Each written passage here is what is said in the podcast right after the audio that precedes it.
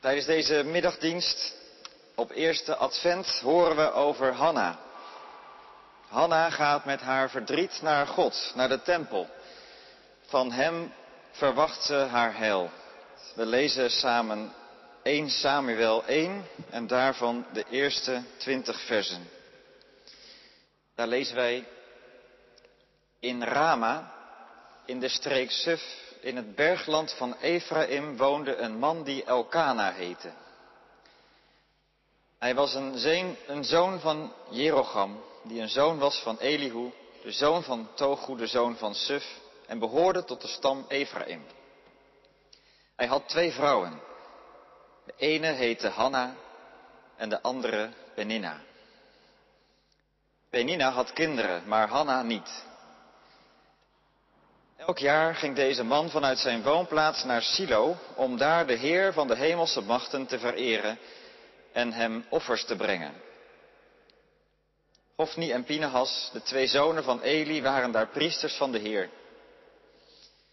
Wanneer Elkana zijn jaarlijkse offer bracht, gaf hij zijn, zijn vrouw Penina en haar zonen en dochters een stuk van het offervlees.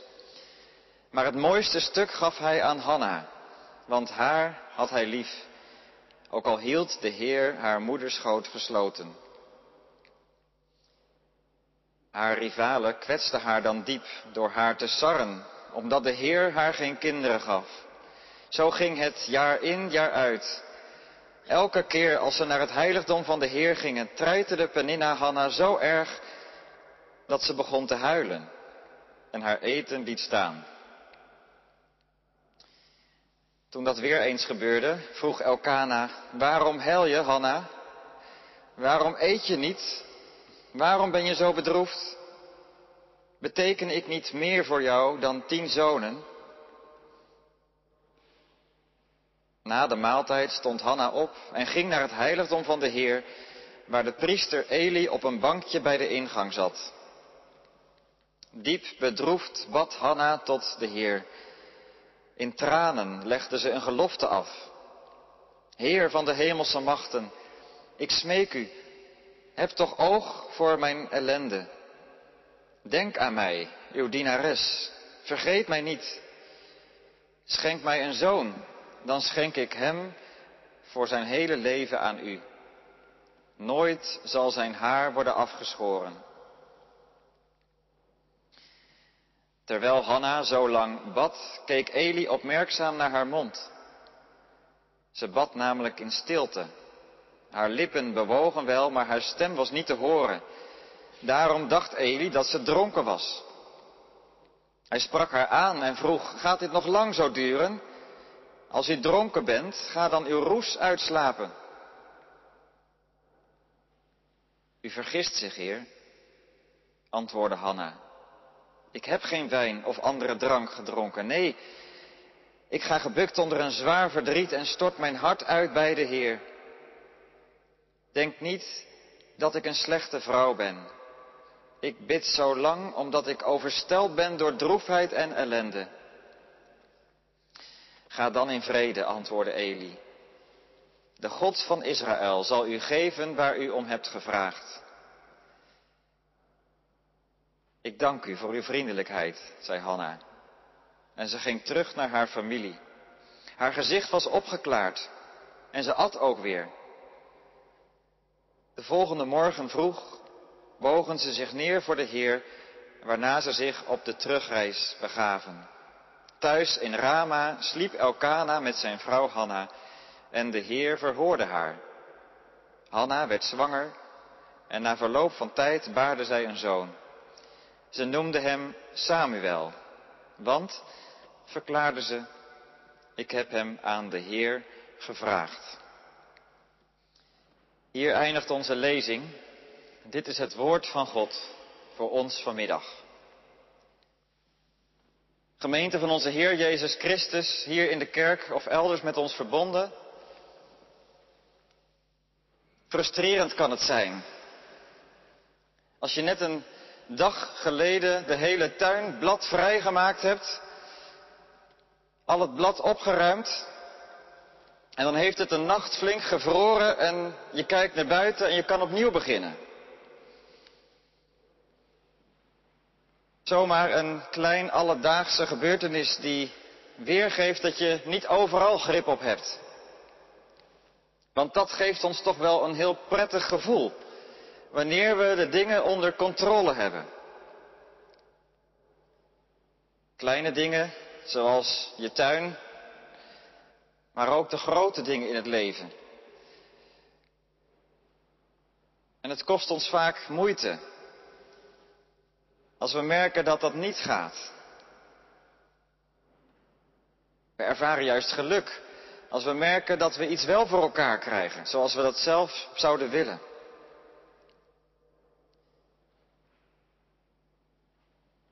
Dat voorbeeld over die tuin, dat komt niet van ver weg. Ik zie het in het dorp waar ik zelf predikant ben. Mensen vinden dat heel belangrijk, dat hun erf er netjes bij ligt. Dat het grind voor de zondag geharkt is. En het laat iets zien van de volksaard van de mensen. Dat ze het opgeruimd willen hebben. Het zegt ook iets over de verwachtingen en verlangens die er bij mensen leven. Wat wij belangrijk vinden in het leven. Bijvoorbeeld dat we een hekel hebben aan chaos of onzekerheid. En dat we dat als het ware in onze handen proberen te houden door zelf te zorgen dat het netjes is. We zoeken naar zekerheid en veiligheid. En met zo'n instelling kan het wel ingewikkeld worden als de dingen in het leven soms anders gaan. Als je merkt dat je geen grip hebt op de gebeurtenissen.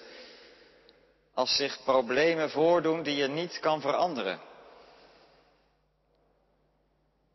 Anders gezegd, wat is het teleurstellend als je merkt dat het ideaal van maakbaarheid grenzen blijkt te hebben. En ik denk dat dat ideaal in velen van ons zit. Een soort oerverlangen. Het verlangen dat ons leven maakbaar en beheersbaar is.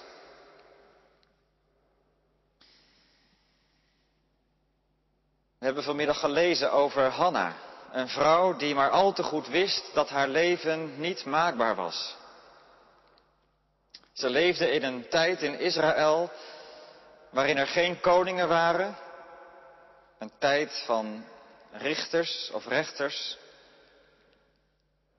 ook wel een donkere tijd genoemd in Israël. Er werd weinig leiding gegeven, iedereen deed wat goed was in zijn eigen oog, een tijd van geestelijk verval. Maar de ark van Gods verbond stond nog altijd in de tempel in Silo. En daar waren ook priesters die de offers uitvoerden, maar kenden ze God ook? Was er iets te merken van hun oprechte geloof? Nee, eigenlijk niet. Die dienst in Gods huis was meer een schijnvertoning geworden. Het had weinig meer te maken met de verborgen omgang met de Heer. Maar toch kwamen de pelgrims naar Silo om offers te brengen, zo ook Elkana, over wie wij lazen, een man uit het bergland van Ephraim. Twee vrouwen had hij, Penina en Hanna. Elk jaar kwam hij een offer brengen en het vlees dat gegeten mocht worden verdeelde hij aan zijn vrouwen en kinderen. In het huis van Elkana was een groot verdriet. Zijn vrouw Hanna was onvruchtbaar. In tegenstelling tot Peninna kon zij geen kinderen krijgen. En ze werd erom gepest. Peninna treiterde haar als zij naar Gods huis ging. En dan was ze er zo van ontdaan dat ze veel helde en niet meer kon eten. Hanna's onvruchtbaarheid staat niet op zichzelf. Het was zogezegd geen ongelukje van de natuur. In vers 5 lazen we zelfs dat de Heer zelf haar baarmoeder gesloten had. Opvallend als je bedenkt dat God aan de mensheid de opdracht gegeven had om vruchtbaar te zijn en zich te vermenigvuldigen maar hier lezen we toch heel duidelijk dat God ervoor gezorgd had dat zij geen kinderen kon krijgen. Maar ondanks haar onvruchtbaarheid Of misschien wel juist dankzij haar onvruchtbaarheid was Hanna een diepgelovige vrouw. Net als haar man Elkana trouwens.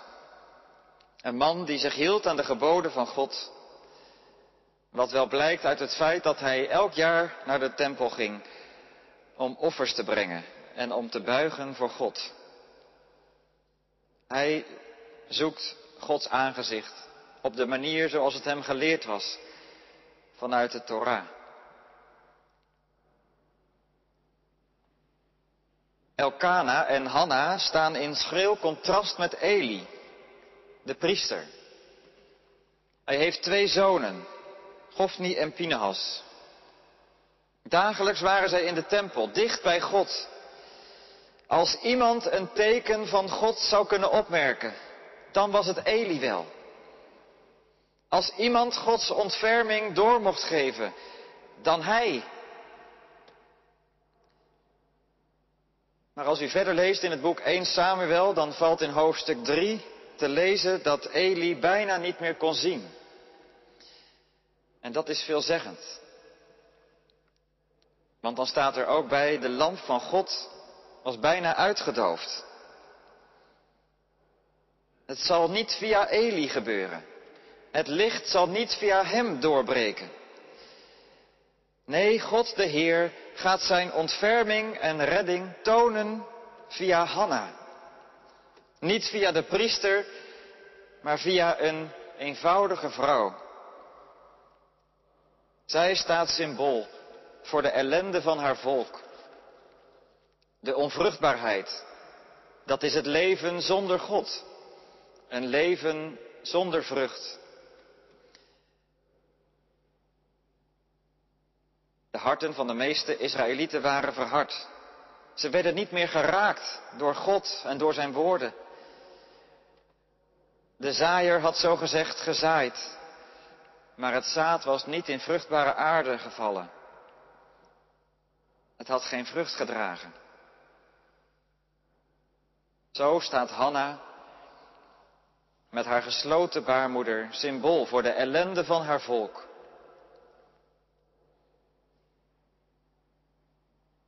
Herkent u iets van die ellende in uw eigen leven of in de samenleving om ons heen? De nood dat je niet meer geraakt wordt door God of door zijn woorden? Of dat je merkt dat het zo weinig vrucht draagt in je leven? Hanna ging met haar ellende naar God. En daartoe wil ik u ook aanmoedigen. Om met je tekorten en met je zonde bij God te komen. Zoals we dat net ook en vanmorgen mochten doen bij de viering van het heilig avondmaal. Om daarmee te beleiden, Heer, U heb ik nodig. Zonder U blijf ik zitten met mijn ellende. Maar U heb ik nodig. U kunt mij redden. U kunt verlossing brengen. Dat is wat Hanna doet. Zij gaat naar het heiligdom van de Heer. Ja, makkelijk zal dat niet geweest zijn. Niet dat ze dat zo simpelweg uit gewoonte deed. Want met al haar verdriet komt ze bij God en ze huilt het uit. Daar waar God aanwezig is, daar wil ze haar verdriet in gebed tot God brengen. Onder tranen stort ze haar hart uit voor de Heer. En ze vraagt of ze een kind mag krijgen. Een jongen. Als dat gebeurt, belooft ze, zal ik hem teruggeven aan u.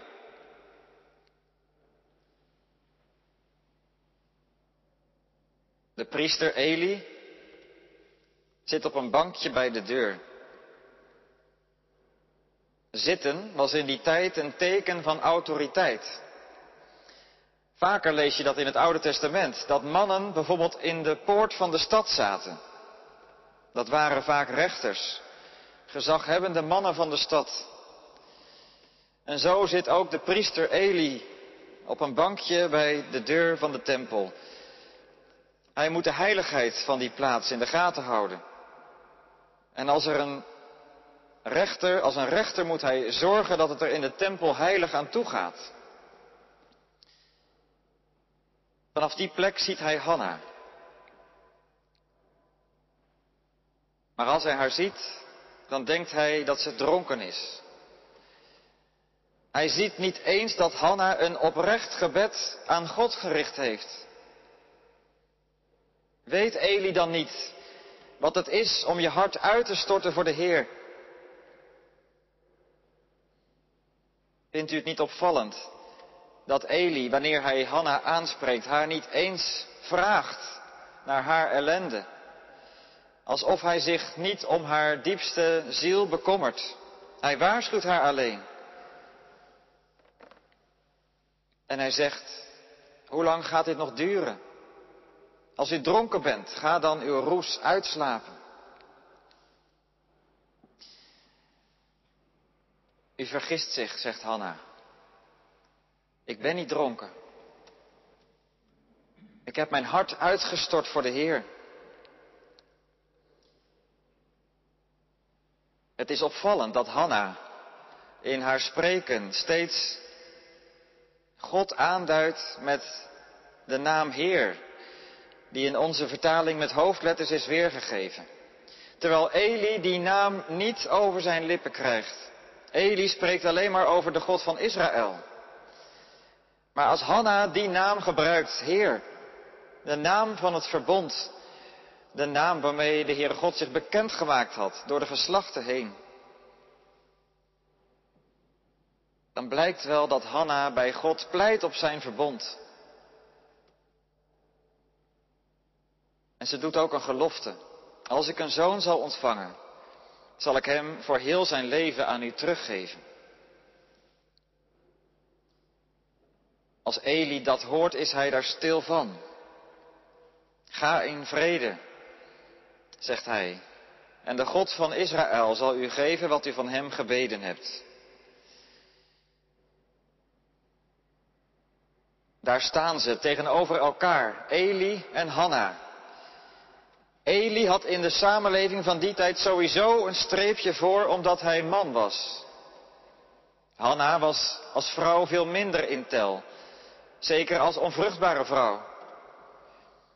Eli was gezaghebbend, Hanna een onbekende vrouw. Eli woonde in de stad. Hanna kwam uit het buitengebied, het bergland van Ephraim.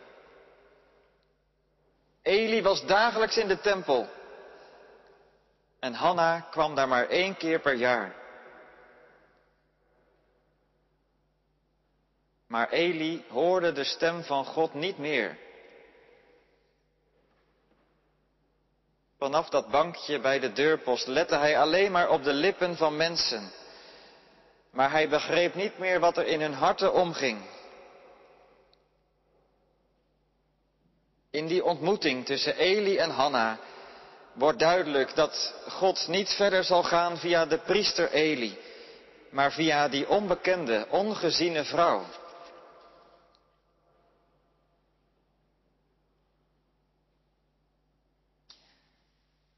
Wat kunnen wij nu leren van Hanna? Behalve dat het goed is om met je ellende naar God toe te gaan.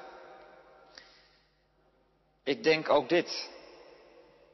Hanna had aan de lijven ondervonden dat haar leven niet maakbaar was.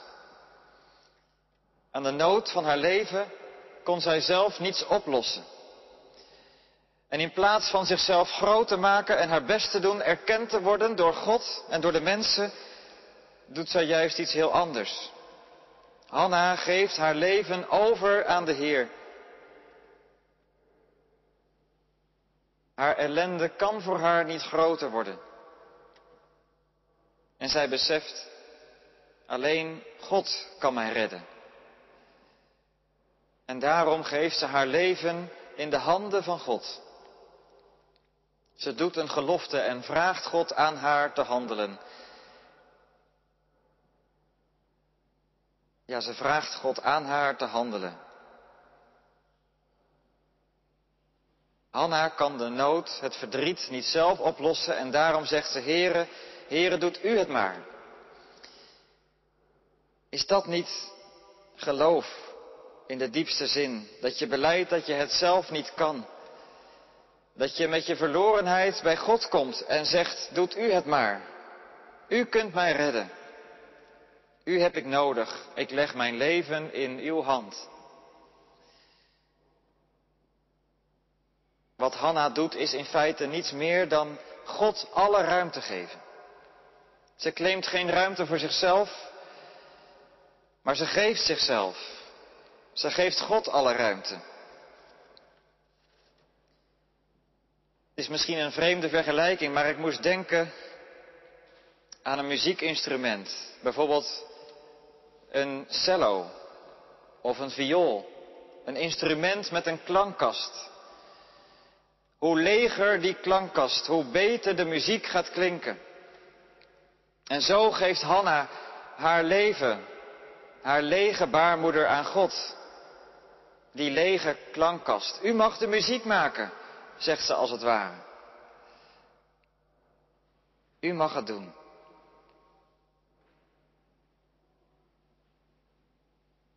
En de Heer dacht aan Hanna. God wil de leegte vullen. Hij laat andere muziek horen. Geen tranenzang, geen rouwklacht, maar een lied van redding. Een lofzang over Gods genade. God verkiest Hanna om haar te gebruiken in die lange schakel van mannen en vrouwen in de helsgeschiedenis. Hanna, haar naam betekent God heeft mij begenadigd. Bemoedigd verlaat Hanna de tempel. En we lezen dan dat ze weer kan eten en dat haar gezicht is opgeklaard. Herkent u dat niet? Dat het zo kan opluchten als je alles wat je op je hart hebt of op je lever bij de Heer gebracht hebt. En dat je het voluit beleidt. Ik kom er niet uit. Maar u kunt dat doen. Wat lucht dat op? Dat maakt je een ander mens. Hanna leert ons ook wat verwachten is. Vol van vertrouwen op de woorden van God. En ze noemt God de Heer, de God van de geslachten, de God van het verbond. Ze verwacht haar redding van de Heer alleen. En die verwachting verandert haar leven nu al. Voordat ze in verwachting raakt, is haar gezicht opgeklaard. Met een ander gemoed verlaat zij het heiligdom van de Heer.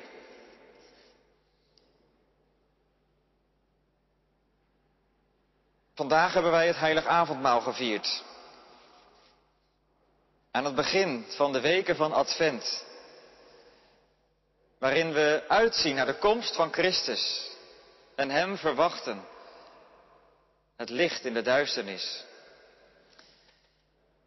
En als we aan die maaltijd deelgenomen hebben, is dat ook een beleidenis.